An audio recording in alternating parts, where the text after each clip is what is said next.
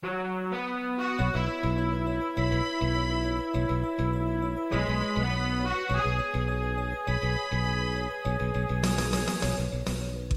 listening to Radio Free Asia. The following program is in Khmer.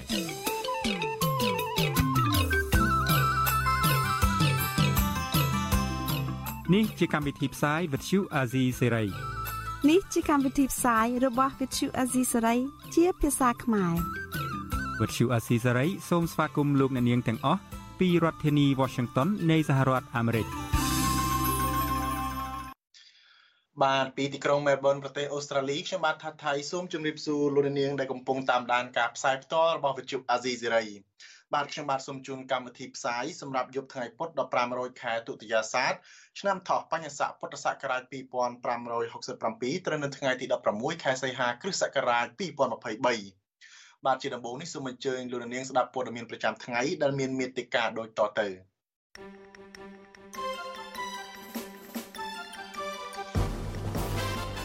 ប្រពន្ធនិងអ្នកគ្រប់គ្រងសោកស្ដាយដែលតុលាការអូសបន្លាយសវនាការគណៈសុខភាពរបស់លោកថៃសិដ្ឋាកាន់តែធ្ងន់ធ្ងរសហគមន៍ដីធ្លីបោះតង់ទាមទារឲ្យតុលាការខេត្តកោះកុងដោះលែងតំណាងសហគមន៍ទាំង9នាក់ សាច់ញាតិយុវជនម្នាក់ដែលប៉ូលីសធ្វើទរណកម្មស្លាប់នៅខេត្តបន្ទាយមានជ័យរោគយុទ្ធរោគអន្តរាគមផ្លូវច្បាប់ពីសមាគមអាត60តើលោកកាត់រិទ្ធមានប្រវត្តិយ៉ាងណាហើយលោកបានធ្វើអ្វីខ្លះចំពោះប្រព័ន្ធច្បាប់និងលទ្ធិប្រជាធិបតេយ្យកម្ពុជារួមនឹងព័ត៌មានសំខាន់សំខាន់មួយចំនួនទៀតបាទជាបន្តទៅនេះខ្ញុំបាទថាថៃសូមជូនព័ត៌មានពិស្ដារដូចតទៅបាទ ប្រពន្ធរបស់លោកថៃសិដ្ឋានុប្រធានគណៈបកភ្លើងទៀនគឺលោកស្រីថៃសុកបូរ៉ានីដែលបានចូលរួមសវនាការនៅព្រឹកថ្ងៃទី16សីហាបានស្លុតចិត្តនៅពេលឃើញសុខភាពប្តីកាន់តែធ្ងន់ធ្ងរសឹងតែមិនអាចដើរបានខណៈដែលតុលាការនៅតែបន្តសវនាការទៀតមន្ត្រីសង្គមស៊ីវិលយល់ថាសំណុំរឿងរបស់លោកថៃសិដ្ឋាគឺជារឿងនយោបាយតាំងពីដំបូងហើយបើតាមនីតិវិធីច្បាប់គូតែអនុញ្ញាតឲ្យលោកថៃសិដ្ឋានៅក្រៅឃុំ បានលោកនាងនឹងបានស្ដាប់សេចក្តីរាយការណ៍នេះនៅពេលបន្តិចទៀត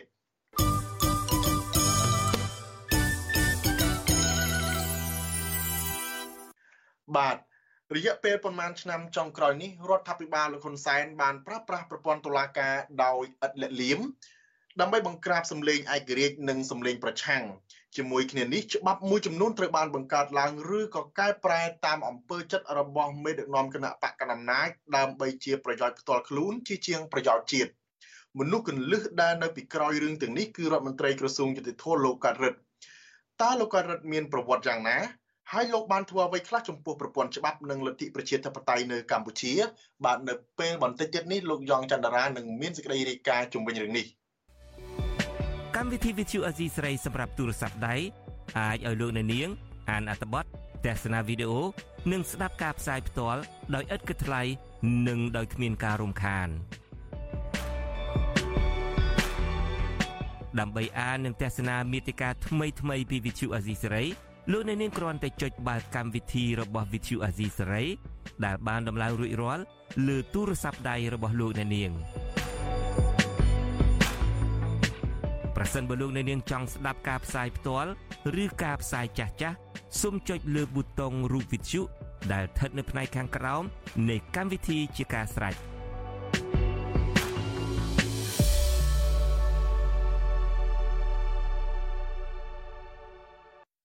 បាទចលនាប្រឆាំងនឹងមិនគ្រប់គ្រងលោកហ៊ុនម៉ាណែតជានាយករដ្ឋមន្ត្រីកម្ពុជាកាន់តែរីករាលដាលធំឡើងទាំងក្នុងប្រទេសនិងក្រៅប្រទេស។ បាទក្រមយុវជនដែលជាពលករខ្មែរនៅប្រទេសកូរ៉េខាងត្បូងប្រកាសថាពួកគាត់នឹងត្រៀមធ្វើបាតុកម្មប្រឆាំងលោកហ៊ុនម៉ាណែតដោយពលរដ្ឋខ្មែរនៅតាមបណ្ដាប្រទេសផ្សេងទៀតដែរនៅរាត្រីនេះយើងមានពលករខ្មែរនៅប្រទេសកូរ៉េខាងត្បូង2នាក់ដើម្បីចង់ដឹងអំពីទស្សនៈរបស់ពួកគាត់ជុំវិញបេក្ខភាពនៅរបស់នាយករដ្ឋមន្ត្រីរបស់លោកហ៊ុនម៉ាណែតបាទសូមអរគុណ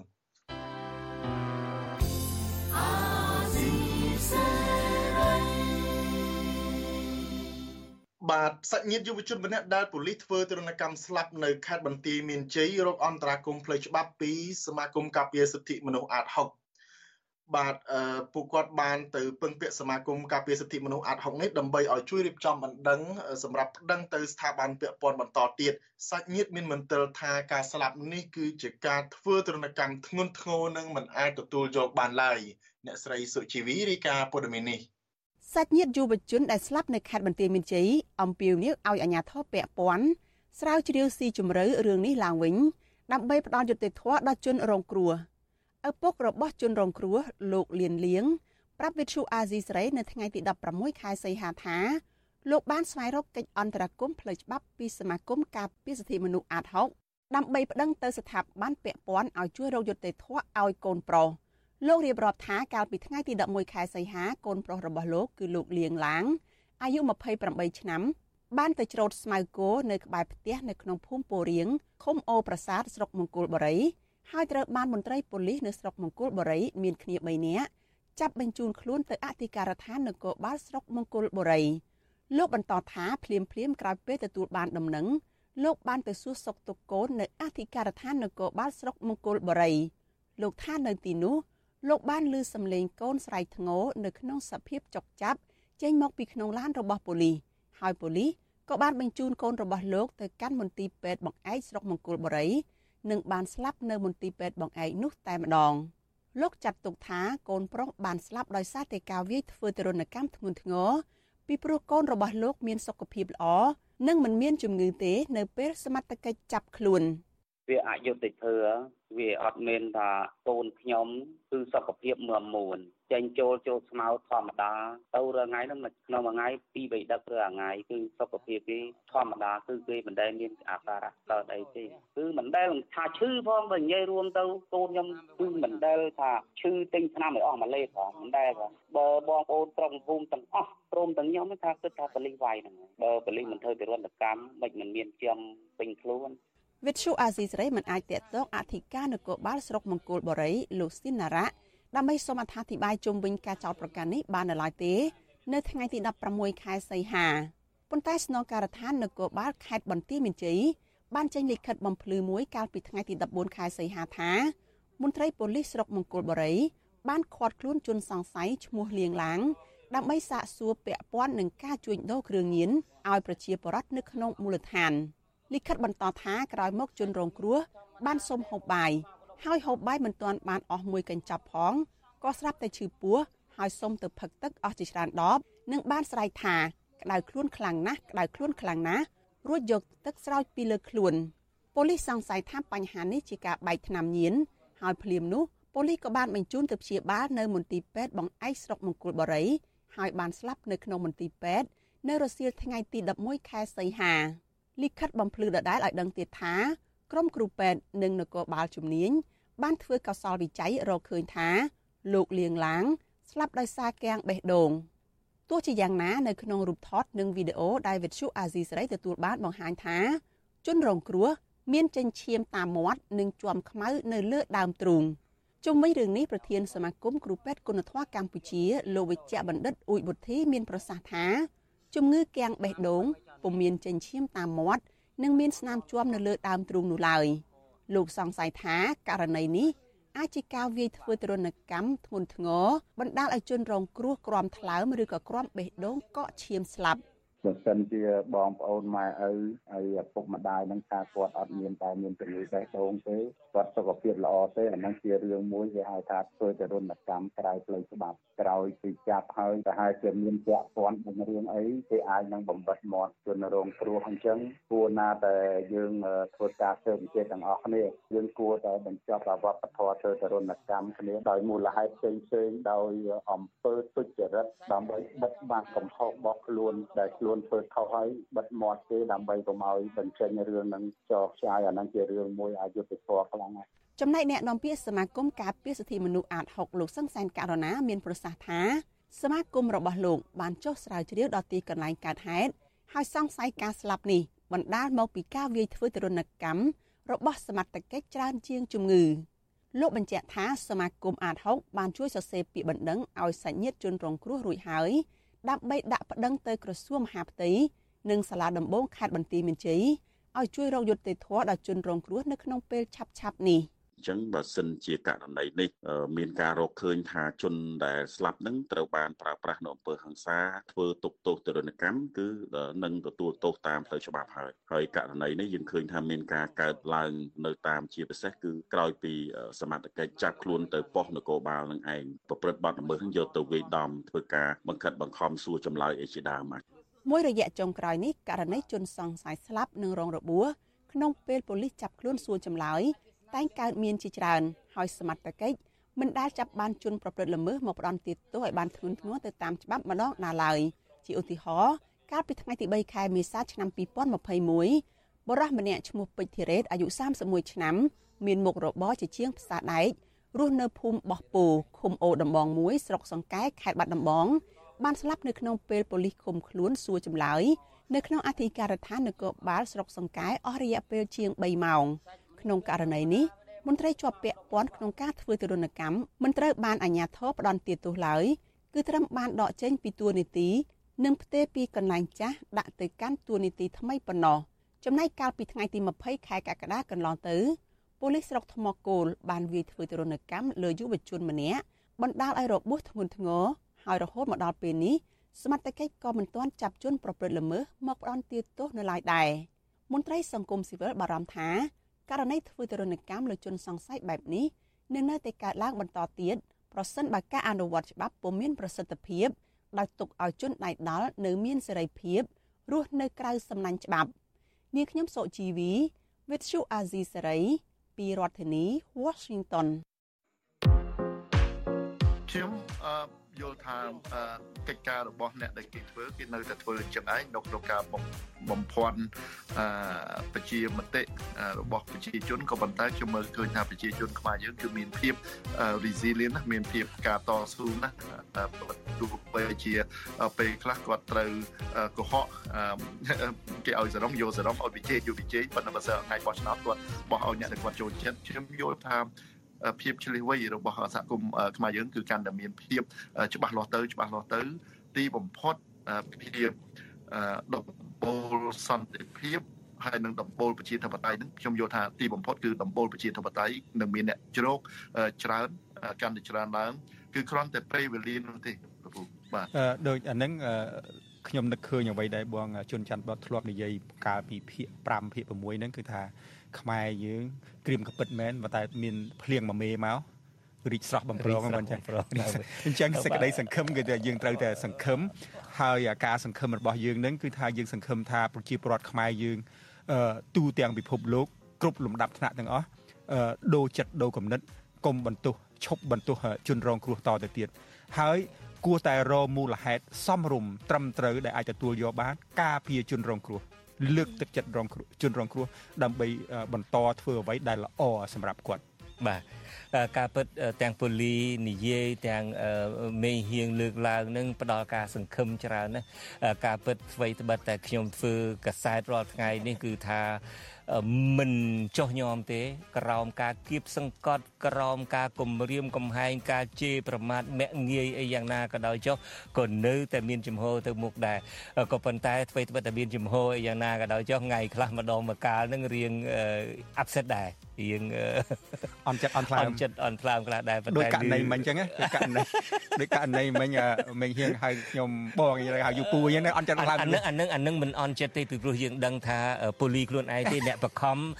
តាក់មេហៀងដើម្បីឲ្យតាក់មេហៀងហៅបងពីព្រោះថាយូ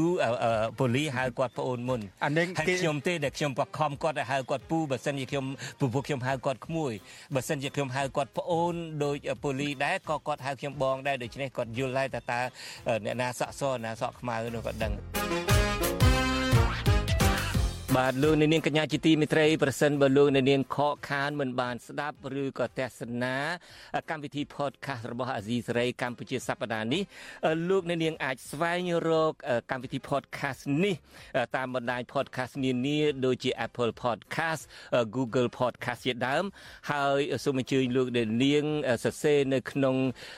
ប្រអប់ស្វែងរក ថាកម្ពុជាសប្តាហ៍នេះជាភាសាខ្មែរឬមួយ Cambodia This Week ជាភាសាអង់គ្លេសនោះលោកអ្នកនាងនឹងបានឃើញនៅកម្មវិធីរបស់យើងហើយលោកអ្នកនាងអាចស្ដាប់ឡើងវិញបានបាទសូមអរគុណ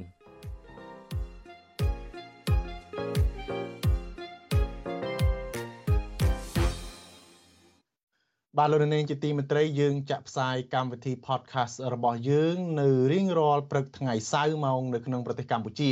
ហើយយើងក៏ចាក់ផ្សាយកម្មវិធី podcast នេះឡើងវិញនៅក្នុងកម្មវិធីផ្សាយផ្ទាល់របស់វិទ្យុអាស៊ីសេរីនៅលើបណ្ដាញសង្គមដូចជា Facebook YouTube និង Telegram ជាដើម នៅរៀងរាល់យប់ថ្ងៃច័ន្ទម៉ោងនៅកម្ពុជាដូចគ្នាដែរបាទបាទលោកនាងជាទីមេត្រីយើងដឹងហើយថា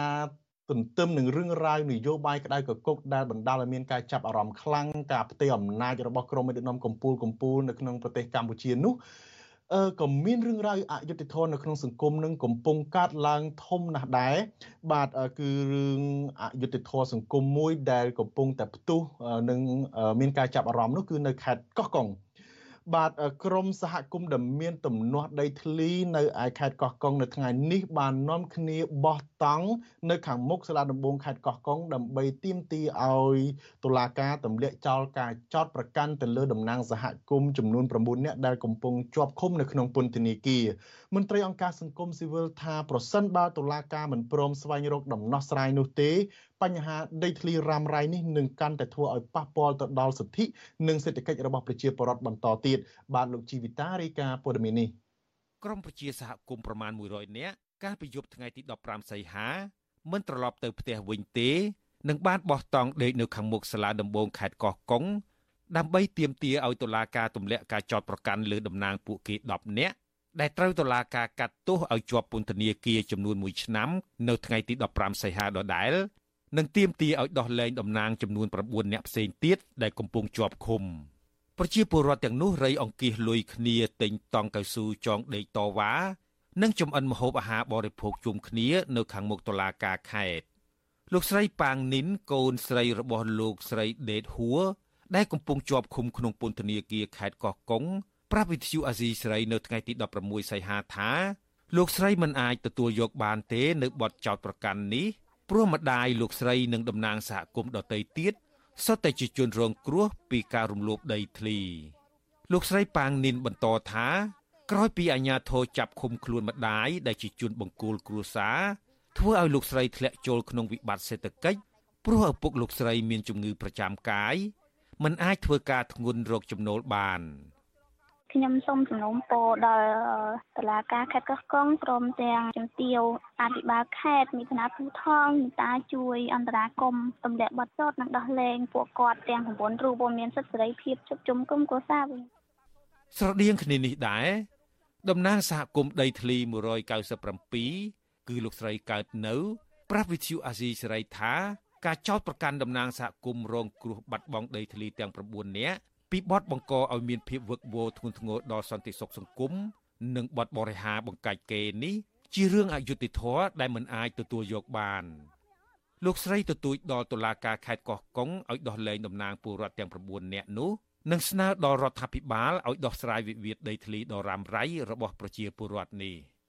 ពួកខ្ញុំទាំងតំណាងទាំង9រូបហើយក៏ជាជនរងគ្រោះដីធ្លីពិតប្រកបពួកខ្ញុំអត់អាចទទួលយកបានទេព្រោះអីតឡាការកាត់ចូលប្រកាន់នេះរឿងអត់ពិតចឹងនិយាយថារឿងអត់ពិតពួកពួកខ្ញុំបាត់បង់ដីពិតប្រកបមិនបានកាត់ត្រូវចូលពួកខ្ញុំ អញ្ចឹងខ្ញុំអាចទទួលយកបានទេព្រោះយើងបាត់បង់ដីពិតប្រាកដយើងឈឺចាប់ណាដោយសារតែយើងមិនមានកំហុសអីគ្រាន់តែយើងទាមទារដីឃ្លីយើងដើម្បីយកមកអាស្រ័យផលហើយកញ្ចឹមកូនចិញ្ចឹមចៅអញ្ចឹងអយុធធម៌ចំពោះពួកយើងជាជនរងគ្រោះដីឃ្លីហើយយើងជាអ្នកបាត់បង់ដីឃ្លីត្រូវបានតឡាការជួយប្រកាន់អញ្ចឹងណាវិទ្យុអាស៊ីសេរីមិនអាចតាក់ទងអ្នកនាំពាក្យសាលាដំបងខេត្តកោះកុងគឺលោកស៊ូសវណ្ណរា និងអភិបាលខេត្តកោះកុងអ្នកស្រីមិថុនាភូថង ដើម្បីឆ្លើយតបចំពោះការស្នើសុំនេះបានទេ នៅថ្ងៃទី16សីហាទោះជាយ៉ាងណា អ្នកសម្របសម្រួលគម្រោងធុរកិច្ចនិងសិទ្ធិមនុស្សនៃមជ្ឈមណ្ឌលសិទ្ធិមនុស្សកម្ពុជា លោកវ៉ាន់សុផាត ប្រាប់វិទ្យុអាស៊ីសេរីថា តាមការសង្កេតរបស់លោក នៅរយៈពេលចុងក្រោយនេះប្រព័ន្ធតុលាការហាក់បីដូចជាយន្តការដ៏មានប្រសិទ្ធភាពមួយ ដែលត្រូវបានគេប្រើប្រាស់សម្រាប់បំបាក់ស្មារតីពលរដ្ឋឬសកម្មជន ដែលហ៊ានងើបតវ៉ាទាមទាររកដំណោះស្រាយបញ្ហា ដូចជាបញ្ហាដីធ្លី និងបរិស្ថានជាដើម លោកបារម្ភថា បញ្ហានេះនឹងកាន់តែធ្វើឲ្យប៉ះពាល់ដល់សិទ្ធិរស់រានមានជីវិត និងសេដ្ឋកិច្ចរបស់ពលរដ្ឋជាពិសេសវិនិស្សកម្មធនធានធម្មជាតិនិងវិបត្តិដីធ្លីក្នុងសង្គមកម្ពុជា ទាំងប្រជាពលរដ្ឋសហគមន៍ដែលខ្ញុំទៅទៅជួបគាត់នាពេលថ្មីថ្មីនេះហើយពិសេសប្រជាពលរដ្ឋជនជាតិដើមភាគតិចក៏ដូចជាអង្គការសង្គមស៊ីវិលដែរយើងមានអនុសាសន៍ជាហោហែមកហើយទាំងរាជរដ្ឋាភិបាលចាស់ទាំងរាជរដ្ឋាភិបាលថ្មីក៏ប៉ុន្តែយើងមានក្តីសង្ឃឹមថាពីព្រោះតែគ្រប់គ្រងរដ្ឋបន្តវេននេះតែសិតតែមានចំណេះដឹងជាថ្នាក់បណ្ឌិតណាថ្នាក់បណ្ឌិតមកពីប្រទេសដែលមានលទ្ធិទីផ្សាយគោរពសិទ្ធិមនុស្សនឹងយកចំណេះដឹងហ្នឹងដើម្បីធ្វើការកំណែតម្រង់បាទប្រព័ន្ធដឹកនាំរដ្ឋហ្នឹងគឺថាឲ្យមានភាពឯករាជ្យឯកដាច់ពីគ្នារវាងនីតិប្រតិបត្តិនីតិបញ្ញត្តិនិងតុលាការហើយសូមឲ្យជាពិសេសគឺកំណែតម្រង់ព័ន្ធតុលាការហ្នឹងសូមឲ្យពិនិត្យមើលទៅលើភាពស្របច្បាប់របស់ប្រជាពលរដ្ឋនិងឲ្យយុត្តិធម៌ឲ្យប្រជាពលរដ្ឋអាហ្នឹងឃើញថាវានឹងអាចមានជាប្រសើរឡើងកាលពីថ្ងៃទី15សីហាសាលាដំបងខេត្តកោះកុងបានប្រកាសសាលក្រមលើសំណុំរឿងរបស់តំណាងសហគមន៍ដីធ្លី197ដោយសម្រេចឲ្យតំណាងសហគមន៍ចំនួន10នាក់ជាប់ពន្ធនាគាររយៈពេល1ឆ្នាំ ពីបទញុះញង់ឲ្យប្រព្រឹត្តអំពើបង្កឲ្យមានភាពវឹកវរធ្ងន់ធ្ងរដល់សន្តិសុខសង្គមនិងបទបរិហាបង្កាច់គេ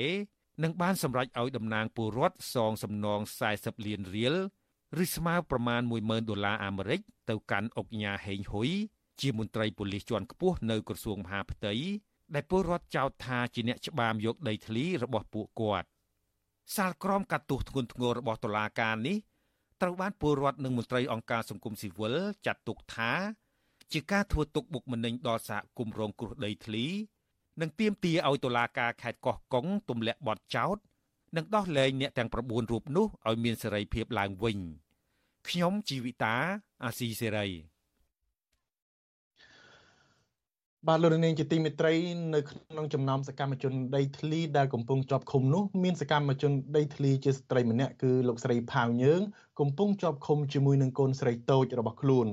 បាទសកម្មជនដីធ្លីលោកស្រីផាវយើងកំពុងជាប់ឃុំនៅក្នុងពន្ធនាគារខេត្តកោះកុងក្រោយតុលាការចោទប្រកាន់ពីបទញុះញង់ឲ្យប្រព្រឹត្តបទឧក្រិដ្ឋជាអាតដោយសារតែព្យាយាមទៅដាក់ញត្តិសុំអន្តរាគមន៍ ពីរដ្ឋមន្ត្រីក្រសួងយុតិធធបន្ថែមពីនេះតុលាការខេត្តកោះកុងបានកាត់ឲ្យលោកស្រីផៅយើងជាប់ពន្ធនាគារ1ឆ្នាំ និងបង់ជំងឺចិត្តចំនួន40លានឬជិត10000ដុល្លារអាមេរិកក្រោមបណ្ដឹងផ្សេងមួយទៀតប្តឹងដោយអ្នកមានលុយមានអំណាចម្នាក់គឺលោកហេងហ៊ុយអ្វីដែលគួរឲ្យសង្វេគនោះគឺលោកស្រីជាប់ឃុំនៅក្នុងពន្ធនាគារជាមួយនឹងកូនស្រីតូចអាយុជាង1ខួបម្នាក់ស្របពេលដែលសុខភាពរបស់លោកស្រីក៏មិនល្អ ព្រោះលោកស្រីត្រូវជាប់ឃុំទាំងទៅចេញពីមន្ទីរពេទ្យក្រោយឆ្លងកាត់ការវះកាត់ព្យាបាលជំងឺជាច្រើនសារតើការឃុំខ្លួនលោកស្រីផៅយើងនេះបង្ហាញអ្វីខ្លះពីការងាររបស់តុលាការនៅខេត្តកោះកុងបាទសូមស្ដាប់សេចក្តីរាយការណ៍របស់អ្នកស្រីសុជីវីដូចតទៅការឃុំខ្លួនលោកស្រីផៅយើងទាំងដែលលោកស្រីមានជំងឺនៅក្រៅវះកាត់និងមានកូនតូចនៅជាមួយទាំងដែលលោកស្រីមិនបានប្រព្រឹត្តកំហុសឆ្លុះបញ្ចាំងថាតុលាការខេត្តកោះកុង ពុំបានអនុវត្តត្រឹមត្រូវតាមច្បាប់និងឈរលើគោលការណ៍មនុស្សធម៌ទេករណីដែលថាតុលាការមិនបានអនុវត្តច្បាប់ឲ្យបានត្រឹមត្រូវនោះគឺនៅត្រង់ថាលោកស្រីផៅយើងនិងសកម្មជនជិត10នាក់ទៀតមិនបានប្រព្រឹត្តកំហុសដែលនាំឲ្យមានករណីញុះញង់ដោយការចោទប្រកាន់ទេកូនប្រុសរបស់លោកស្រីផៅយើងរៀបរាប់ថាម្ដាយជាស្ត្រីមេម៉ាយបានតស៊ូជាច្រើនឆ្នាំមកហើយដើម្បីទៅការពារដីធ្លីនិងជួយពលរដ្ឋផ្សេងទៀតនៅក្នុងសហគមន៍ ហើយថ្ងៃដែលម្ដាយត្រូវចាប់ខ្លួននោះក៏មិនមែនជាថ្ងៃដែលម្ដាយប្រព្រឹត្តបទកំហុសអ្វីឡើយម៉ាក់ខ្ញុំគ្រាន់តែទៅដាក់ញត្តិទេដោយសារតែយើងមានបញ្ហាដីធ្លីពិតប្រាកដមែនហើយយើងត្រូវការរកជំនួយពីអស់ស្រាយបញ្ហាវិវាទដីធ្លីរបស់យើងក៏ដូចជារឿងស្នើសុំអីផ្សេងផ្សេងទៅកាន់ថ្នាក់ដឹកនាំដោយសារតែយើងមានជំនឿជឿជាក់លើថ្នាក់ដឹកនាំបានយើងទៅសុំប៉ុន្តែផ្ទុយមកវិញបែរជាមានការចាប់ខ្លួនរបស់ម៉ាក់របស់ខ្ញុំក៏ដូចជាគ្រួសារ ភូមិមីងសហគមន៍របស់ខ្ញុំអញ្ចឹងសូមឲ្យសម្ដេចមេត្តាជួយក្រុមគ្រួសាររបស់ពួកខ្ញុំព្រោះពួកខ្ញុំសិតតែជាអ្នកដែលក្រីក្រលំបាកវេទនាខ្លាំងណាស់ហើយបើសិនជាបាត់បង់ដីធ្លីហើយហើយត្រូវមានក្រុមគ្រួសារមានអ្នកចាប់ខ្លួនទៀតអញ្ចឹងក្រុមគ្រួសារខ្ញុំរំពឹងអីអញ្ចឹងខ្ញុំវេទនាមែនទែននៅក្នុងសហគមន៍ខ្ញុំក្នុងវ័យ48ឆ្នាំលោកស្រីផៅយើង ស្ថិតនៅក្នុងចំណោមស្ត្រីខ្មែរជាច្រើនអ្នកឈានមុខនៅក្នុងការប្រើប្រាស់សិទ្ធិការពារដីធ្លី ប្រឆាំងការរំលោភបំពានពីសំណាក់អ្នកមានអំណាចមានទ្រព្យសម្បត្តិឬហៅថាជាការបណ្តេញចេញដោយបង្ខំជីវិតរបស់លោកស្រីផៅយើងមិនងាយស្រួលទេព្រោះជាស្ត្រីមេម៉ាយមានកូន5នាក់នៅក្នុងបន្ទុកបញ្ហាចំនួនដីធ្លីរ៉ាំរ៉ៃជាច្រើនឆ្នាំមកនេះលោកស្រីជួបបញ្ហាជាច្រើនរាប់មិនអស់រាប់ទាំងការបាក់បែកគ្រួសារកូនចៅពុំបានទៅសាលារៀនជីវភាពគ្រួសារធ្លាក់ចុះនិងការធ្វើទុកបុកម្នេញជាច្រើនពីអាជ្ញាធរនិងក្រុមហ៊ុន ដែលប៉ុនប៉ងចង់បានដីរបស់ពលរដ្ឋគ្រួសារលោកស្រីផៅញើងមិនខុសពីពលរដ្ឋជាច្រើនរយគ្រួសារផ្សេងទៀតដែរមានចំនួនដីធ្លីជាមួយនឹងក្រុមហ៊ុនចំនួន2ដែលចូលទៅអភិវឌ្ឍនិងដាំអំពៅនៅក្នុងខេត្តកោះកុងគឺក្រុមហ៊ុនចិន Union Development និងក្រុមហ៊ុនរបស់អង្គញាហេងហ៊ុយម្ចាស់ក្រុមហ៊ុនហេងហ៊ុយ Agriculture លោកស្រីផៅញើងត្រូវអាជ្ញាធរខេត្តកោះកុងចាប់ខ្លួនដាក់ពន្ធនាគារកាលពីថ្ងៃទី29ខែមិថុនា នៅពេលក្រុមពលរដ្ឋដែលមានចំនួនដីធ្លីនៅក្នុងខេត្តកោះកុងនាំគ្នាធ្វើដំណើរទៅដាក់ញត្តិសូមអន្តរាគមន៍ពីរដ្ឋមន្ត្រីក្រសួងយុតិធធលោកកើតរិទ្ធឲ្យទម្លាក់ចោលបទចោទប្រកាន់លើតំណាងសហគមន៍ចំនួន30នាក់ដែលជាប់បណ្ដឹងនៅតុលាការដោយសារបញ្ហាដីធ្លីក្រុមអង្គការសង្គមស៊ីវិលចាត់ទុកការសម្រេចឃុំខ្លួនលោកស្រីផៅញើង និងសកម្មជន8នាក់ទៀតពីបទញុះញង់គឺជាការចោទប្រកាន់ដែលគ្មានមូលដ្ឋានព្រោះពួកគេគ្រាន់តែលើកឡើងពីទុកកង្វល់ និងសម្ដែងមតិដោយអហិង្សា ដើម្បីការពារដីធ្លីនិងសហគមន៍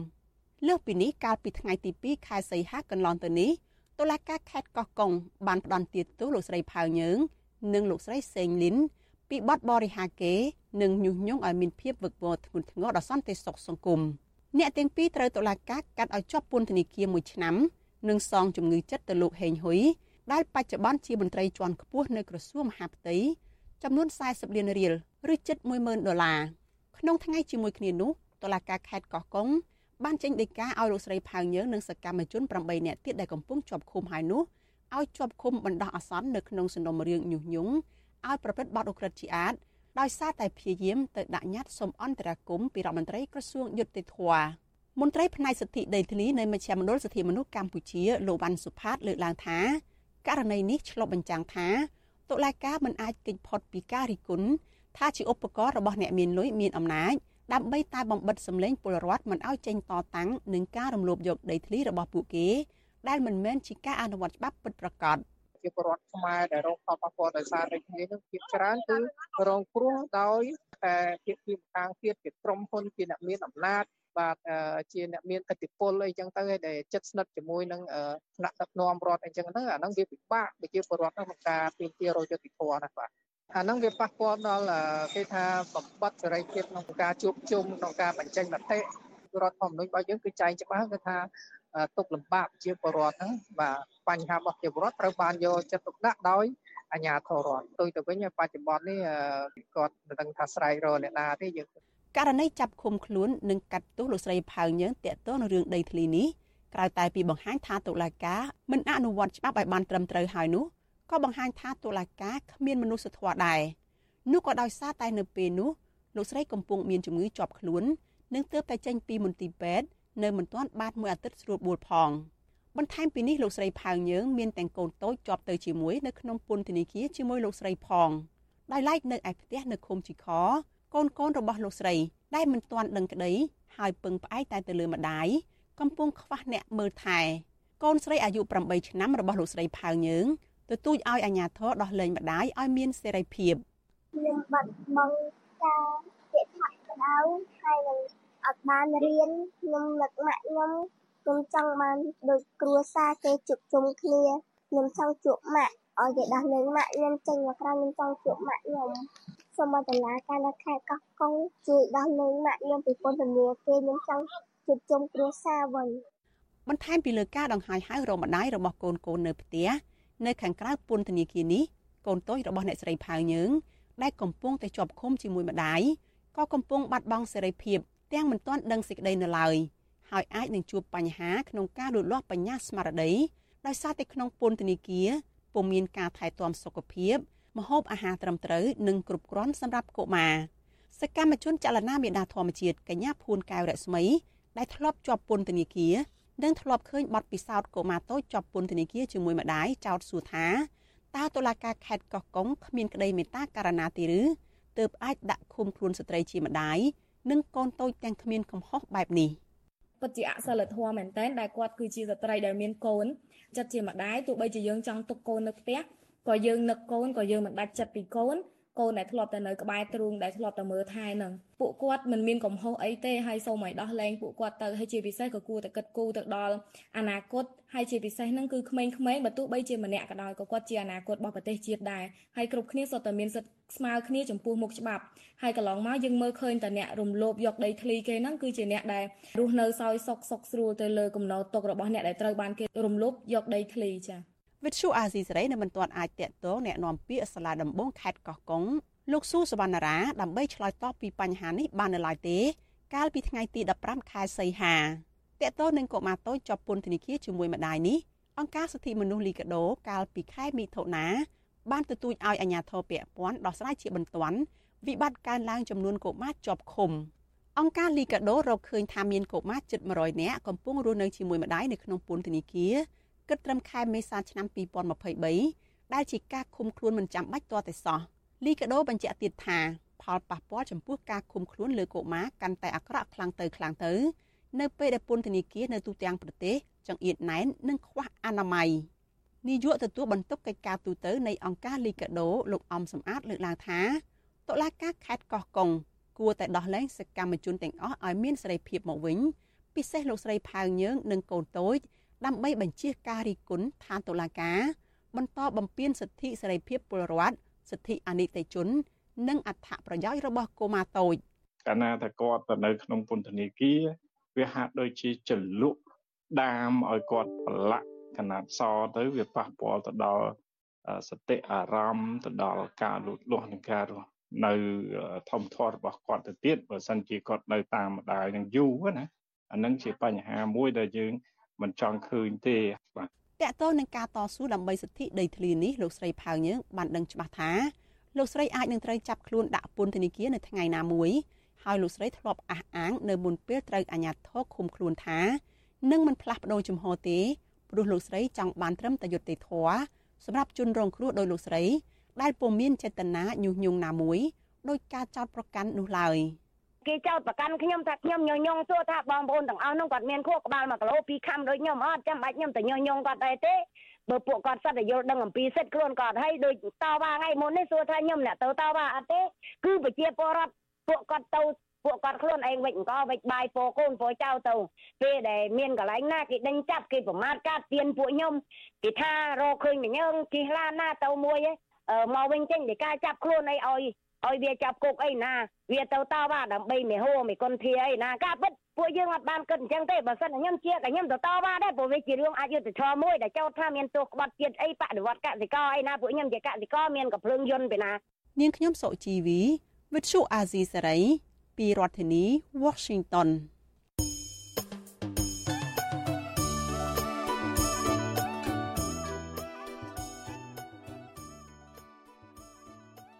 បាទដំណើរគ្នានឹងស្ដាប់ការផ្សាយរបស់វិទ្យុអាស៊ីសេរីតាមបណ្ដាញសង្គម Facebook YouTube និង Telegram លោកនាងក៏អាចស្ដាប់កម្មវិធីផ្សាយរបស់វិទ្យុអាស៊ីសេរីតាមរយៈរលកធាតុអាកាសខ្លីឬ Shortwave តាមកម្រិតនិងកម្ពស់ដូចតទៅនេះពេលព្រឹកចាប់ពីម៉ោង5កន្លះដល់ម៉ោង6កន្លះតាមរយៈប៉ុស SW 12.14 MHz ស្មើនឹងកម្ពស់ 25m និងប៉ុស SW 13.71 MHz ស្មើនឹងកម្ពស់ 22m ពេលយប់ចាប់ពីម៉ោង7កន្លះដល់ម៉ោង8កន្លះតាមរយៈប៉ុស SW 9.33 MHz ស្មើនឹងកម្ពស់ 32m ប៉ុស SW 11.88 MHz ស្មើនឹងកម្ពស់ 25m និងប៉ុស SW 12.14 MHz ស្មើនឹងកម្ពស់ 25m បាទលោកនាងជាទីមេត្រី ចលនាមិនគ្រប់គ្រងលោកហ៊ុនម៉ាណែតជានាយករដ្ឋមន្ត្រីកម្ពុជាកាន់តែរីករាលដាលធំឡើងទាំងក្នុងប្រទេសនិងក្រៅប្រទេស បាទក្រមពលករខ្មែរដែលកំពុងរស់នៅប្រទេសកូរ៉េខាងត្បូងក៏បានប្រកាសថាពួកគាត់នឹងត្រៀមធ្វើបាតុកម្មប្រឆាំងលោកហ៊ុនម៉ាណែត នៅថ្ងៃខាងមុខនេះដោយបណ្ដាដូចប្រជាពលរដ្ឋនៅតាមបណ្ដាប្រទេសផ្សេងផ្សេងទៀតដែរហើយនៅក្នុងរាត្រីនេះយើងមាន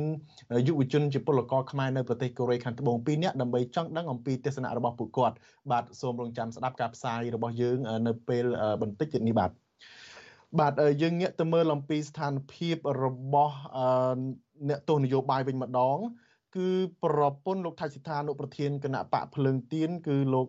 ស្រីថាច់ សុកបូរ៉ានីដែលបានចូលរួមសវនាការនៅថ្ងៃទី16សីហាបានស្លុតចិត្តនៅពេលដែលឃើញសុខភាពប្តីរបស់លោកស្រីកាន់តែធ្ងន់ធ្ងរសឹងតែមិនអាចដើរបានខណៈដែលតុលាការនៅតែបន្តសវនាការទៀតមន្ត្រីអង្គការសង្គមស៊ីវិលយល់ថាសំណុំរឿងរបស់លោកថៃសិដ្ឋាគឺជារឿងនយោបាយតាំងពីដំបូងហើយបើតាមនីតិវិធីច្បាប់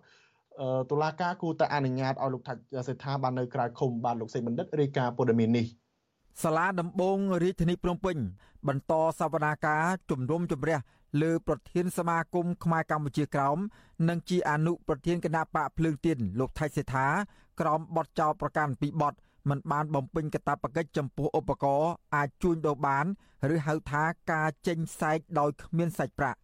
ក្រោយចេញពីសវនាការសហមេធាវី ដែលការពីក្តីឲ្យលោកថៃសេដ្ឋាគឺលោកសឿនជុំជួន បានឲ្យដឹងថា សវនាការជំនុំជម្រះនេះចៅក្រមជំនុំជម្រះគឺលោកស្រីឈុនដាវី បង្គាប់ឲ្យភាគីទាំងសងខាងរកភ័ស្តុតាងបន្ថែម ហើយចៅក្រមជំនុំជម្រះក៏មិនទាន់បានកំណត់ពេលវេលាសវនាការលើកក្រោយទៀតនោះដែរបើយើងនិយាយជារួមទៅធម្មតាមេធាវីការពិសិដ្ឋជនចាប់ចត់តែតែមានការរំពឹងរកយុទ្ធសាស្ត្រឲ្យកូនប្រុសរបស់ខ្លួនផ្អែកទៅតាមអ្វីដែលជាការលើកឡើងរបស់សាមីទាក៏ស្នើឲ្យចំបែបនេះដែរសូមឲ្យមានការលើកឡើង ប្រពន្ធរបស់លោកថៃសេដ្ឋាគឺលោកស្រីថាច់សុកបូរ៉ានីតក់ស្លុតនៅពេលឃើញប្តីរបស់អ្នកស្រី មានសភាពកាន់តែយ៉ាប់យ៉ឺនស្ទើរដើរមិនរួចនិងមិនអាចទ្រាំទ្រជាមួយនឹងសភាពនៅក្នុងពន្ធនាគារដែលចង្អៀតណែននោះបាន លោកស្រីថាច់បូរ៉ានីយល់ថាចៅក្រមមិនបានផ្ដល់ឱកាសដល់ប្តីរបស់លោកស្រី និងមេធាវី លើកឡើងបង្ហាញភ័ស្តុតាង ដើម្បីបញ្ជាក់ពីភាពស្អាតស្អំនោះឡើយ ប៉ុន្តែបែរជាផ្ដល់ពេលវេលាច្រើនដល់ភេកីម្ខាងទៀតដើម្បីដាក់បន្ទុកលើប្តីរស្រីចង់និយាយថាมันយុទ្ធធម៌មួយប្តីខ្ញុំទេដែលស្អីវាចូលចង់8ខែហើយរឿងហ្នឹងហើយសុខភាពគាត់មិនសូវល្អទៀតដែលស្អីខ្ញុំចង់ឲ្យគាត់នៅក្រៅគុំជប់ជុំគ្រួសារហើយទៅឆែកសុខភាពហើយក្នុងនឹងគាត់សុខភាពគាត់ទៅត្រមមែនតែនចាហើយខ្ញុំមើលទៅគាត់ដូចថាពិបាកគាត់ទ្រាំហ្មងគាត់ទ្រាំនឹងជំងឺគាត់ហ្នឹងហ្មងចាហើយមើលទៅដូចថា សហក្រមលើកឡើងមិនមិនយុទ្ធធរដោយសារអីថាគេក៏ហៅគាត់ចូលខ្លួនពីរដងក៏អត់ចូលការប៉ັດផ្ទះខ្ញុំមិននៅបឹងឈូកទេលោកស្រីថាច់សុកបូរ៉ានី បន្តថាប្រសិនបើតុលាការនៅតែអូសបន្លាយលើសំណុំរឿងប្តីនោះអំពើអាយធម៌មកលើប្តីលោកស្រីកាន់តែខ្លាំងព្រោះប្តីរបស់លោកស្រីមិនមានកំហុសនោះទេនៅខាងមុខតុលាការអ្នកគាំទ្រលោកថៃសេដ្ឋាជាង10នាក់រួមមានកុមារ និងមនុស្សចាស់ផង អង្គុយរងចាំដំណឹង និងទន្ទឹងរងចាំមើលលោកថៃសេដ្ឋាចំណែកប្រធានក្រុមការងារគណៈបកភ្លើងទៀនស្រុកកណ្ដាលស្ទឹង គឺលោកស្រីមីសុហន ថាលោកស្រី តែងតែមកតាមដានសវនាការករណីលោកថៃសេដ្ឋាជាដរាបលោកស្រីមីសុហន ថាការចាប់ខ្លួនលោកថៃសេដ្ឋាគឺជាប់ពាក់ព័ន្ធនឹងរឿងនយោបាយនិងជារឿងអយុត្តិធម៌តាំងពីដំបូងមកម្លេះ ព្រោះលោកថៃសេដ្ឋាបានបញ្ចប់រឿងជាមួយនឹងភាគីម្ខាងតាំងពីដំបូងហើយក្រោយមកតុលាការក៏ចោទប្រកាន់បទញុះញង់បន្ថែមទៀតលោកស្រីមីសុខនថាករណីលោកថៃសិដ្ឋាគឺជាឧបករណ៍មួយនៃការធ្វើទុកបុកម្នេញមកលើសកម្មជននយោបាយគណៈបកប្រឆាំងការដែលចេញខ្សែស្អស្អុយហ្នឹងវាវាជារឿងយូរណាស់ហើយចាវាអត់ត្រូវសាររើទេព្រោះរឿងហ្នឹងកាលហ្នឹងគាត់ឈ្នះក្តីហើយដល់ពេលអត់មានរឿងអីចាប់គាត់ទៅជា យកអាបត់នឹងមកសាររើឡើងវិញហើយទាំងដែលយើងចរចាជាមួយអ្នកដែលគេប្តឹងនឹងហើយអស់ហើយហ្នឹងស្រួលឲ្យគាត់ឈ្នះហើយហ្នឹងចាហើយដល់ទៅពេលយកគួរតែទម្លាក់បត់ចោតអាបត់នឹងហើយមិនត្រឹមតែមិនទម្លាក់ទេគាត់បន្ថែមមួយទៀតលោកស្រីមីសុហនទទូចដល់តុលាការឲ្យស្វែងរកការពិត និងដោះលែងលោកថៃសេដ្ឋាព្រោះសកម្មភាពរបស់លោកកន្លងមក គឺដើម្បីប្រជាពលរដ្ឋខ្មែរទាំងអស់ វិទ្យុអាស៊ីសេរីនៅមិនទាន់អាចតាក់ទងសុំការឆ្លើយតបរឿងនេះពីអ្នកនាំពាក្យអាយកាសាលាដំបងរាជធានីភ្នំពេញនិងជាតំណាងអាយកាដែលចោទប្រកាន់លោកថៃសិដ្ឋាគឺលោកប្លង់សុផលបានទេ នៅថ្ងៃទី16ខែសីហានាយកទទួលបន្ទុកកិច្ចការទូតនៃអង្គការឃ្លាំមើលសិទ្ធិមនុស្សលីកាដូលោកអមសំអាត លើកឡើងថាអង្គការសិទ្ធិមនុស្សជាតិនិងអន្តរជាតិដែលបានឃ្លាំមើលករណីនេះយល់ថា គឺជារឿងនយោបាយតាំងពីដំបូង និងជាការគៀបសង្កត់នយោបាយក្រោយពីលោកថៃសិដ្ឋាក្លាយទៅជាមន្ត្រីជាន់ខ្ពស់នៃគណៈបកភ្លើងទៀនទេយើងឃើញថាដីលោកថៃសិដ្ឋានេះ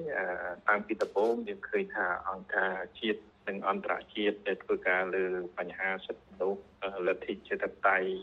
ហ្នឹងគេមើលឃើញថាការចាប់និងការឃុំខ្លួនលោកថៃសិដ្ឋាក្នុងករណីហ្នឹងវាជាហេតុផលនយោបាយជ្រាបច្រើនជាងការអនុវត្តច្បាប់ណា ពីព្រោះរឿងកើតយូរហើយមានការដោះស្រាយនៅយូរហើយក៏ប៉ុន្តែនៅពេលដែលលោកថាជាថាចាប់ផ្ដើមប្រឡូកវិស័យនយោបាយជាអនុប្រធានគណៈបកភ្លើងទៀនហ្នឹងហើយចាប់ទៅត្រូវបានចាប់ខ្លួននៅក្នុងរឿងហ្នឹងទៅម្យ៉ាងវិញទៀតលោកអំសម្បត្តិយល់ថាតុលាការនៅបន្តឃុំខ្លួនលើលោកថៃសិដ្ឋាគឺជារឿងមិនគួរឲ្យកើតមានឡើង ពីព្រោះថាចៅក្រមស៊ើបសួររួចហើយនិងមិនមានភ័ស្តុតាងជាក់លាក់ណាមួយនៅឡើយទេ ចំណែកលោកថៃសេដ្ឋានិងក្រុមគ្រួសារធានាអះអាង ទាំងថាវិការផង ថានឹងចូលរួមគ្រប់នីតិវិធីតុលាការក្រៅពីចោតប្រកាន់ពីបទមិនបានបំពេញកាតព្វកិច្ចចំពោះឧបករណ៍អាចជួញដូរបាន ឬហៅថាការចេញសែកដោយគ្មានសាច់ប្រាក់លោកថៃសេដ្ឋាក៏ត្រូវតុលាការចោទប្រកាន់ពីបទល្មើសព្រហ្មទណ្ឌពីករណីទៀតគឺបទញុះញង់ឲ្យប្រព្រឹត្តបទឧក្រិដ្ឋជាអាតតាមមាត្រា494 និងមាត្រា495នៃក្រមព្រហ្មទណ្ឌនិងបទញុះញង់ឲ្យមានការរើសអើងតាមមាត្រា496តាមក្រមព្រហ្មទណ្ឌដដែលលោកថៃសេដ្ឋាដែលមានអាយុ70ឆ្នាំ គឺជាប្រធានសមាគមខ្មែរកម្ពុជាក្រោមនិងជាអនុប្រធានគណៈបកភ្លើងទៀនត្រូវបានសមត្ថកិច្ចចាប់ឃុំខ្លួន នៅម្ដុំវត្តសំរោងអណ្ដែតខណ្ឌសែនសុខរាជធានីភ្នំពេញ កាលពីល្ងាចថ្ងៃទី16ខែមករាឆ្នាំ2023ក្រោយការចាប់ខ្លួន លោកថៃសេដ្ឋាត្រូវបានគេបញ្ជូនទៅឃុំខ្លួនបណ្ដោះអាសន្នភ្លាមភ្លាមនៅពន្ធនាគារព្រៃសរក្រោមការចោទប្រកាន់ពីបទមិនបានបំពេញកាតព្វកិច្ចចំពោះឧបករណ៍អាចជួញដូរបាន ឬហៅថាការចេញសែកដោយគ្មានសាច់ប្រាក់ចំនួន5សន្លឹកទៅឲ្យក្រុមហ៊ុនរិនឆាយផនសបដែលប្រព្រឹត្តតាំងពីឆ្នាំ2019 ខ្ញុំបាទសេកបណ្ឌិតវុទ្ធុអាស៊ីសេរីពីរដ្ឋធានីវ៉ាស៊ីនតោនបាទលោកនាងជាទីមេត្រីលោកនាងបានស្ដាប់សេចក្តីរាយការណ៍កន្លងមកនេះលោកនាងបានដឹងហើយថាមានមនុស្សជាច្រើនបានរងគ្រោះនៅក្នុងប្រព័ន្ធតុលាការសពថ្ងៃទាំងពលរដ្ឋដែលរងគ្រោះដោយដីធ្លីនិងសកម្មជននយោបាយជាដើមហើយលោកនាងប្រកាសជាចង់ដឹងហើយតើតើនរណាខ្លះ ដែលបានចូលរួមបំផ្លាញប្រជាធិបតេយ្យចូលរួមបំផ្លាញប្រព័ន្ធច្បាប់នៅក្នុងប្រទេសកម្ពុជានោះបាទនៅពេលនេះលោកយ៉ងច័ន្ទរា មានសេចក្តីរាយការណ៍មួយដើម្បីបង្ហាញមុខថាតើនរណាជាអ្នកជាជនគន្លឹះក្នុងការបំផ្លាញប្រជាធិបតេយ្យនិងនីតិរដ្ឋនៅក្នុងប្រទេសកម្ពុជា បាទ រយៈពេលប្រមាណឆ្នាំចុងក្រោយនេះរដ្ឋាភិបាលលោកហ៊ុនសែនបានប្រើប្រាស់ប្រព័ន្ធតុលាការដោយឥតលាក់លៀមដើម្បីបង្ក្រាបទៅលើសម្លេងឯករាជ្យនិងសម្លេងប្រឆាំងជាមួយគ្នានេះច្បាប់មួយចំនួនក៏ត្រូវបានបង្កើតឡើងឬក៏កែប្រែទៅតាមអំពើចិត្តរបស់មេដឹកនាំគណៈបកកណ្ដាលអំណាចដើម្បីជាប្រយោជន៍ផ្ទាល់ខ្លួនជាជាងប្រយោជន៍ជាតិមនុស្សកន្លឹះដែលនៅពីក្រោយរឿងទាំងនេះគឺរដ្ឋមន្ត្រីក្រសួងយុតិធធលោកកាត់រិទ្ធបាទថាតើលោកកាត់រិទ្ធ មានប្រវត្តិយ៉ាងណាហើយលោកបានធ្វើអ្វីខ្លះចំពោះប្រព័ន្ធច្បាប់និងលទ្ធិប្រជាធិបតេយ្យនៅកម្ពុជាបាទសូមលោកនាងស្ដាប់សេចក្តីរាយការណ៍ពិស្ដាររបស់លោកយ៉ងច័ន្ទរាដូចតទៅ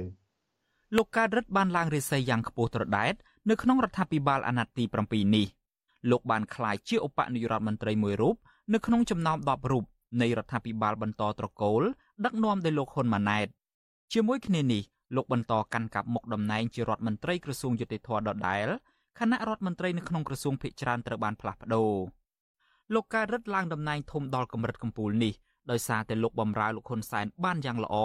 ជាពិសេសលោកបានជួយសម្រេចផែនការរបស់លោកហ៊ុនសែននៅក្នុងការផ្ទេរតំណែងនាយករដ្ឋមន្ត្រីទៅឲ្យលោកហ៊ុនម៉ាណែតលោកកើតរិទ្ធមានអាយុ44ឆ្នាំលោកកើតនៅឆ្នាំ1979នៅក្នុងស្រុកព្រៃឈរខេត្តកំពង់ចាមភរិយារបស់លោក គឺអ្នកស្រីយេតម៉ូលីនអតីតចៅក្រមសាឡាវធរ ដែលកាន់សំណុំរឿងជាច្រើន របស់មន្ត្រីគណៈបកប្រឆាំងនិងអ្នកទោសមនសិការលោកគឺជាកូនប្រសាររបស់លោកយេតចរិយាអតីតព្រះរាជអាជ្ញាអមតុលាការក្រុងភ្នំពេញ និងបច្ចុប្បន្នជាអគ្គព្រះរាជអាជ្ញារងអមតុលាការកំពូលលោកកើតរិទ្ធនិងអ្នកស្រីយេតម៉ូលីន មានកូនចំនួន3នាក់ប្រុស2នាក់និងស្រីម្នាក់លោកកើតរិទ្ធបានបញ្ចប់ការសិក្សាថ្នាក់បរិញ្ញាបត្រផ្នែកច្បាប់ពីសាកលវិទ្យាល័យភូមិន្ទនីតិសាស្ត្រនិងវិទ្យាសាស្ត្រសេដ្ឋកិច្ច ឬដែលគេនិយមហៅថាសាលារូលនៅក្នុងឆ្នាំ1999លោកទទួលបានអាហារូបករណ៍ទៅសិក្សាបន្តនៅសាកលវិទ្យាល័យលីយ៉ុងប្រទេសបារាំងដែលនៅទីនោះលោកទទួលបានសញ្ញាបត្រថ្នាក់បរិញ្ញាបត្រនីតិឯកជនព្រមទាំងបរិញ្ញាបត្រជាន់ខ្ពស់ផ្នែកច្បាប់ព្រហ្មទណ្ឌនិងវិទ្យាសាស្ត្រនៃបទឧក្រិដ្ឋលោកកើតរិទ្ធបានវិលត្រឡប់មកកម្ពុជាវិញនៅអំឡុងឆ្នាំ2002និងបានចាប់ផ្ដើមអាជីពជាសាស្ត្រាចារ្យនៅសាលារូលរហូតដល់ឆ្នាំ2016 លោកធ្លាប់បម្រើការងារនៅក្រសួងចំនួន3រួមមានក្រសួងអប់រំនៅចន្លោះពីឆ្នាំ2003ដល់2005មន្ត្រីក្រសួងសេដ្ឋកិច្ចពីឆ្នាំ2005ដល់2012និងលេចមុខជាមន្ត្រីជាន់ខ្ពស់ក្រសួងយុតិធធចាប់ពីឆ្នាំ2007រហូតក្លាយជារដ្ឋមន្ត្រីក្រសួងយុតិធធនៅចុងខែមីនាឆ្នាំ2020នៅពេលចូលកាន់តំណែងលោកកើតរិទ្ធបានសន្យាជាអោឡារឹកថា លោកនឹងប្រឹងប្រែងលើកកម្ពស់គុណភាពយុត្តិធម៌នៅកម្ពុជា និងស្មោះត្រង់ចំពោះជាតិខ្ញុំសូមធ្វើការបដិញ្ញាចិត្តពង្រឹងប្រព័ន្ធអភិបាលកិច្ចល្អដើម្បីធ្វើជាស្នូលក្នុងការដឹកនាំវិស័យយុតិធធក៏ដូចជាធានាសាមគ្គីភាពផ្ទៃក្នុងក្នុងជួរថ្នាក់ដឹកនាំនៃវិស័យនេះដើម្បីឲ្យមានការចូលរួមអនុវត្តប្រកបដោយការទទួលខុសត្រូវខ្ពស់ក្នុងបុព្វហេតុនៃការងារកំណែតម្រង់ពង្រឹងសុចរិតភាពនិងភាពត្រឹមត្រូវនៃការអនុវត្តការងាររបស់មន្ត្រីតុលាការ តាមរយៈការពង្រឹងវិន័យនិងសិលធម៌វិជ្ជាជីវៈក្នុងវិស័យនេះសម្ដៅលើកកម្ពស់កិត្តិយសនិងសេចក្តីថ្លៃថ្នូរនៃអង្គតុលាការបន្ថែមទៀតនៅពេលនោះមតិមួយចំនួន មានក្តីរំពឹងទុកថាលោកកើតរិទ្ធអាចនឹងជួយស្រោចស្រង់ប្រព័ន្ធយុតិធធដែលកំពុងចុះទុនខ្សោយនោះឲ្យមករឹងមាំវិញតាមរយៈការរៀនសូត្រផ្នែកច្បាប់បានជ្រៅជ្រះរបស់លោកក៏ប៉ុន្តែលទ្ធផលហាក់បានដើរបញ្ច្រាស់ពីនេះលោកកើតរិទ្ធបានប្រែក្លាយប្រព័ន្ធយុតិធធរបស់ជាតិ ទៅជាអាវុធដ៏មុតស្រួចសម្រាប់លោកហ៊ុនសែនដើម្បីកម្ចាត់សម្លេងប្រឆាំងនឹងសម្លេងឯករាជ្យតុលាការបានដំណើរការរឿងក្តីជាច្រើន ដែលមានចរិតនយោបាយប្រឆាំងទៅនឹងសកម្មជននយោបាយសមាជិកសង្គមស៊ីវិលយុវជន និងអ្នកបញ្ចេញមតិរិះគន់រដ្ឋាភិបាលករណីខ្លះគេមិនធ្លាប់ឃើញមានទេនៅក្នុងប្រវត្តិនៃប្រព័ន្ធយុតិធធកម្ពុជា គឺតុលាការបានបើកសវនាការទ្រង់ទ្រាយធំ ដែលមានជនជាប់ចោតរាប់សិបនាក់រហូតដល់រាប់រយនាក់ សវនាការទាំងនោះបើទោះបីជាគ្មានភ័ស្តុតាងដាក់បន្ទុកគ្រប់គ្រាន់ក៏ដោយក៏អាចឲ្យតុលាការផ្ដន់ទោសកម្មជននយោបាយសមាជិកសង្គមស៊ីវិលនិងអ្នករិះគន់រដ្ឋាភិបាលជាបន្តបន្ទាប់ពីបទរួមគំនិតក្បត់និងបទញុះញង់ជាការពិតថាលោកកើតរិទ្ធមិនមែនជាចក្រមកាត់សេចក្តីនៅក្នុងរឿងទាំងនេះទេក៏ប៉ុន្តែនៅក្នុងទូនាទីជារដ្ឋមន្ត្រីក្រសួងយុតិធធលោកមានសិទ្ធិបញ្ជាព្រះរាជអាជ្ញាទូទាំងប្រទេសគឺព្រះរាជអាជ្ញាឬតំណាងអัยការនេះឯង ដែលជាអ្នកចោទប្រកាន់និងជាអ្នកបញ្ជាឲ្យចាប់ខ្លួនសកម្មជននយោបាយសមាជិកសង្គមស៊ីវិលនិងអ្នករិះគន់រដ្ឋាភិបាលយកទៅដាក់ពន្ធនាគារជាបន្តបន្ទាប់នៅក្នុងសំណុំរឿងដែលមានចរិតនយោបាយបែបនេះព្រះរាជអាជ្ញាចោទប្រកាន់បែបណាចៅក្រមច្រើនតែសម្រេចក្តីទៅតាមបទចោទនោះនាយករងទទួលបន្ទុកកិច្ចការតំបន់អាស៊ីនៃអង្គការឃ្លាំមើលសិទ្ធិមនុស្សអន្តរជាតិ Human Rights Watch លោក Phil Robertson មានប្រសាសន៍ថាប្រព័ន្ធយុត្តិធម៌នៅកម្ពុជា មិនមានអ្វីប្រសើរឡើងនោះទេនៅក្នុងអាណត្តិរបស់លោកកើតរិទ្ធពីព្រោះតែតុលាការស្ថិតនៅក្រោមការបង្គាប់បញ្ជាផ្នែកនយោបាយរបស់គណៈបកប្រជាជនកម្ពុជារួចទៅហើយ Any idea that somehow there's going to be reform មតិដែលថាមានកំណែតម្រង់ប្រព័ន្ធយុទ្ធធននៅកម្ពុជានេះគឺគ្រាន់តែជាការស្រមើលស្រមៃខុសពីការពិតការអះអាងទាំងឡាយអំពីកំណែតម្រង់ប្រព័ន្ធយុទ្ធធនប្រៀបបានទៅនឹងផ្សែងដែលរសាត់តាមខ្យល់ រដ្ឋាភិបាលកម្ពុជានិយាយបែបនេះគឺដើម្បីព្យាយាមធ្វើយ៉ាងណាឲ្យសហគមន៍នៅតែរាប់រកឬក៏ដើម្បីឲ្យម្ចាស់ជំនួយបន្តផ្ដល់លុយកាក់ឲ្យពួកគេប៉ុន្តែធៀបពិតនោះគឺពួកគេគ្មានចេតនាពិតប្រាកដក្នុងការលើកស្ទួយប្រព័ន្ធយុទ្ធធម៌ឡើយរដ្ឋាភិបាលកម្ពុជា និងគណៈបកកណ្ដាលអំណាចគ្មានការបញ្ញាចិត្តផ្នែកនយោបាយណាមួយ ដើម្បីផ្លាស់ប្ដូរប្រព័ន្ធសពថ្ងៃនេះទេ ពីព្រោះពួកគេទទួលបានផលប្រយោជន៍ពីប្រព័ន្ធយុទ្ធធរបែបចំណាប់ខ្មាំងនិងតុលាការដែលគ្រប់គ្រងដោយអ្នកនយោបាយសពថ្ងៃនេះ from politically controlled courts លោកកើតរិទ្ធគឺជាមនុស្សគន្លឹះនៅក្នុងការរៀបចំនិងកែប្រែច្បាប់ជាច្រើនដែលមានចរិតគៀបសង្កត់សិទ្ធិសេរីភាពនិងប្រឆាចរដ្ឋធម្មនុញ្ញហើយដែលមានទិសដៅតែមួយគត់គឺបំរើប្រយោជន៍នយោបាយឲ្យលោកហ៊ុនសែន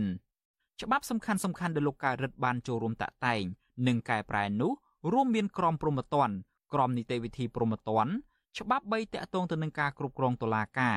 ច្បាប់បោះឆ្នោតច្បាប់អង្គការសមាគមច្បាប់សហជីពច្បាប់គ្រប់គ្រងប្រទេសនៅក្នុងភាពអាសន្ននិងវិសោធនកម្មច្បាប់គណៈបកនយោបាយជាដើមច្បាប់ស្តីពីវិសោធនកម្មច្បាប់គណៈបកនយោបាយនេះត្រូវបានក្រុមអ្នកច្បាប់វិតម្លៃថាគឺជាច្បាប់ដ៏អាក្រក់ដែលបំពានរដ្ឋធម្មនុញ្ញនិងផ្ទុយពីច្បាប់សិទ្ធិមនុស្សអន្តរជាតិពីព្រោះច្បាប់មួយនេះ ធ្វើឡើងតម្រូវតាមចិត្តមេបកកណ្ដាលអំណាចលោកហ៊ុនសែនដើម្បីរំលាយគណៈបកសង្គ្រោះជាតិនិងបំបិទសិទ្ធិនយោបាយរបស់ក្រុមមេដឹកនាំគណៈបកប្រឆាំងរឿងមួយទៀតដែលប្រហែលជាគ្មានអ្នកច្បាប់ណាហ៊ានធ្វើដោយលោកកើតរិទ្ធនោះគឺការរៀបចំកែប្រែរដ្ឋធម្មនុញ្ញជាច្រើនលើកច្រើនសារឲ្យលោកហ៊ុនសែនដែលធ្វើឲ្យច្បាប់កម្ពុជាមួយនេះបាត់បង់អនុភាពរបស់ខ្លួន ជាពិសេសគឺវិសោធនកម្មរដ្ឋធម្មនុញ្ញលើកទី10កាលពីឆ្នាំ2022វិសោធនកម្មរដ្ឋធម្មនុញ្ញលើកទី10នេះ គឺជាការច្បាមយកអំណាចពីរដ្ឋសភាដោយស្រស់ស្រស់ពីព្រោះគណៈបកឈ្នះឆ្នោតអាចបញ្ជូនឈ្មោះបេក្ខជននាយករដ្ឋមន្ត្រីទៅព្រះមហាក្សត្រដោយផ្ទាល់ដោយមិនចាំបាច់ឆ្លងថ្នាក់ដឹកនាំរដ្ឋសភា គឺប្រធាន និងអនុប្រធានរដ្ឋសភាទាំងពីរនោះទេលោកកើតរិទ្ធបានថ្លែងថាលោកមានមោទនភាពដែលបានចូលរួមចំណែកកែច្បាប់កម្ពុជាមួយនេះសូម្បីតែអ្នកចូលរួមក្នុងការកែអញ្ចឹងវាក៏ជាផ្នែកមួយនៃពាក្យដែលថាឧត្តមកតិជាតិធ្វើឲ្យខ្មែរយើងមោទនភាពមានអីខុស ជាតិខ្មែរយើងឥឡូវយើងទាំងអស់គ្នាគ្រប់គ្រងជាតិខ្មែរយើងមានមោទនភាពអត់ទោះបីជាការកែរដ្ឋធម្មនុញ្ញបន្ថយអំណាចរដ្ឋសភានេះខុសពីគោលការណ៍ច្បាប់ និងប្រជាធិបតេយ្យយ៉ាងណាក្តីនេះគឺជាគុណសម្បត្តិដ៏ធំមួយរបស់លោកកើតរិទ្ធធ្វើសម្រាប់លោកហ៊ុនសែនលោកហ៊ុនសែនពិតជាបានធ្វើបែបនេះមែនគឺបញ្ជូនឈ្មោះកូនប្រុសរបស់លោកទៅឲ្យស្ដេចចាត់តាំងជានាយករដ្ឋមន្ត្រីហើយទៅប្រុញមកឲ្យរដ្ឋសភាបោះឆ្នោតផ្ដាល់សេចក្តីទុកចិត្តវិញ ដើម្បីបង្ក្រប់កិច្ចបង្កើតរដ្ឋាភិបាលថ្មី នៅថ្ងៃទី22ខែសីហាក្រៅពីការបង្កើតនិងការកែប្រែច្បាប់បម្រើប្រយោជន៍នយោបាយឲ្យលោកហ៊ុនសែនហើយនោះគេនៅមិនទាន់ឃើញលោកកើតរិទ្ធបានសាងស្នាដៃអ្វីជាដុំកំភួននៅឡើយទេតាក់ទងទៅនឹងការពង្រឹងប្រព័ន្ធយុតិធធរបស់ជាតិលោកបានបង្កើតយុទ្ធនាការដោះស្រាយការកកស្ទះសំណុំរឿងនៅតាមតុលាការខេត្តក្រុងដើម្បីឈានទៅបន្ធូរបន្ថយភាពចង្អៀតណែននៃអ្នកជាប់ឃុំ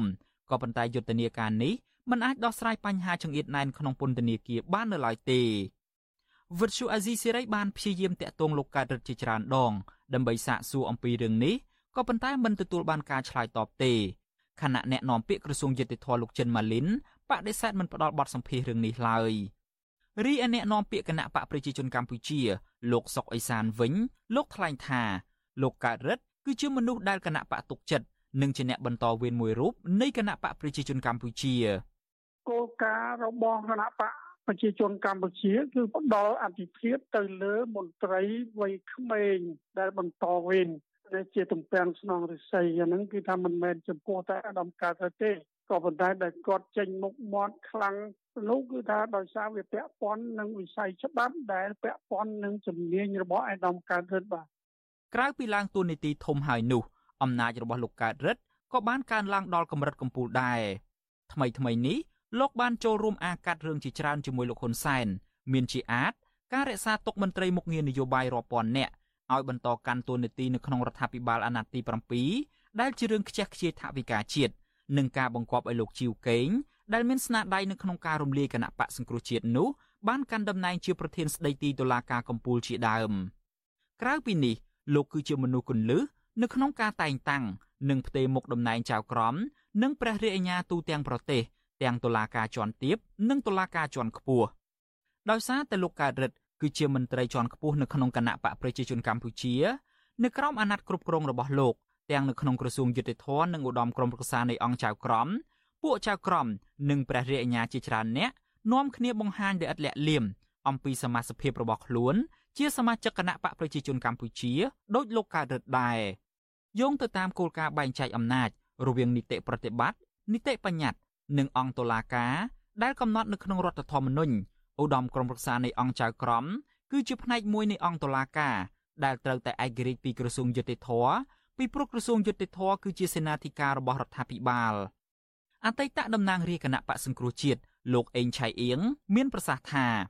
លោកកើតរិទ្ធមិនមែនជាអ្នកកែតម្រង់ប្រព័ន្ធយុតិធធឲ្យល្អប្រសើរនោះទេផ្ទុយទៅវិញរដ្ឋមន្ត្រីក្រសួងយុតិធធរូបនេះគ្រាន់តែជាបុគ្គលម្នាក់ ដែលលោកហ៊ុនសែនយកមកប្រើ ដើម្បីឲ្យកែប្រែឬបង្កើតច្បាប់ណា ដែលបំរើផលប្រយោជន៍ក្រុមគ្រួសារត្រកូលហ៊ុនប៉ុណ្ណោះ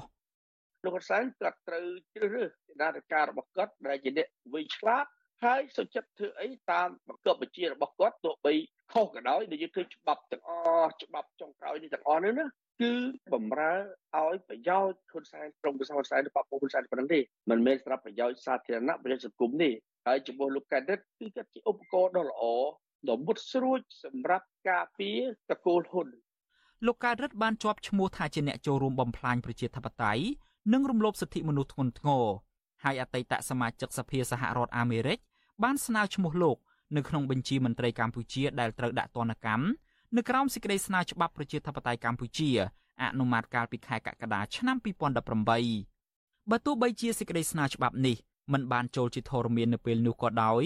ក៏កំណត់ត្រាមួយនេះ បានជួយបង្ហាញមុខមាត់ពិតនៃជនលំមុំអំណាច និងផលប្រយោជន៍ផ្ទាល់ខ្លួនមួយរូបដែលសុកចិត្តបំផ្លាញលទ្ធិប្រជាធិបតេយ្យដែលជាក្តីបំណងប្រាថ្នារបស់ប្រជាពលរដ្ឋខ្មែរដើម្បីទៅជួយប្រែក្លាយកម្ពុជា ទៅជាកម្មសិទ្ធិរបស់ក្រុមគ្រួសារលោកហ៊ុនសែននិងបកពួករបស់លោក ខ្ញុំយ៉ងច័ន្ទដារាវិទ្យុអាស៊ីសេរី Washington បាទលោកនាងជាទីមេត្រីក្រោយពីលោកនាង បានស្គាល់អំពីប្រវត្តិពិតរបស់លោកកាត់រិទ្ធហើយនោះ បាទនៅថ្ងៃស្អែកនេះយើងក៏នៅបង្ហាញមនុស្សកលឹះមួយទៀតរបស់លោកហ៊ុនសែននោះគឺលោកអូនពាន់មនីរតបាទលោកអូនពាន់មនីរតបានកាន់តំណែងជារដ្ឋមន្ត្រីក្រសួងសេដ្ឋកិច្ចនិងហិរញ្ញវត្ថុចាប់តាំងពីរដ្ឋាភិបាលអាណត្តិទី5 ឆ្នាំ2013ហើយនឹងកាន់តំណែងនេះបន្តទៀតនៅក្នុងរដ្ឋាភិបាលអាណត្តិទី7ដឹកនាំដោយលោកហ៊ុនម៉ាណែតកូនប្រុសច្បងរបស់លោកហ៊ុនសែនលោកអូនពាន់មនីរតគឺជាមន្ត្រីជាន់ខ្ពស់មួយរូបក្នុងចំណោមមន្ត្រីមួយចំនួនទៀតដែលបានលោបទៅទិញសញ្ជាតិបរទេសនៅប្រទេសស៊ីបទំនងជាត្រៀមរត់ចោលលោកហ៊ុនសែននៅឆ្នាំ2013 តើរដ្ឋមន្ត្រីរូបនេះមានអ្វីលាក់បាំងពីភ្នែករបស់ប្រជាពលរដ្ឋខ្មែរទៀតបាទលោកនាងនឹងបានស្ដាប់សេចក្តីរាយការណ៍ពិស្ដារអំពីរឿងប្រវត្តិរបស់លោកអូនប៉ុនមនីរតនៅក្នុងកម្មវិធីផ្សាយរបស់វិទ្យុអាស៊ីសេរីនៅយប់ថ្ងៃប្រហ័សស្អែកនេះសូមអរគុណហើយក្រៅពីនេះទេ បាទយើងក៏នឹងមានសេចក្តីរាយការណ៍ពីប្រវត្តិរដ្ឋមន្ត្រីអបនាយករដ្ឋមន្ត្រីជាច្រើនរូបទៀតដែលទើបនឹងទទួលបានអំណាចតពូជនៅពេលថ្មីថ្មីនេះបាទហើយសូមលោកនាងបន្តតាមដាននិង គ្រប់គ្រងកម្មវិធីផ្សាយរបស់យើងដើម្បីដឹងរឿងរ៉ាវថ្មីថ្មីនៅក្នុងប្រទេសកម្ពុជាបាទបាទតកតងទៅនឹងការផ្ទេរអំណាចបែបសន្តតិវង្សនៅក្នុងប្រទេសកម្ពុជានេះនៅថ្ងៃនេះយើងក៏មានយុវជនខ្មែរ2នាក់គឺជាពលករនៅប្រទេសកូរ៉េខាងត្បូងដើម្បីចង់ដឹងអំពីទស្សនៈរបស់ពួកគេអំពីការផ្ទេរអំណាចតពូជនេះហើយតើពួកគាត់មានទស្សនៈបែបណាដែរចំពោះបេ ក្ខភាពនាយករដ្ឋមន្ត្រីថ្មីគឺលោក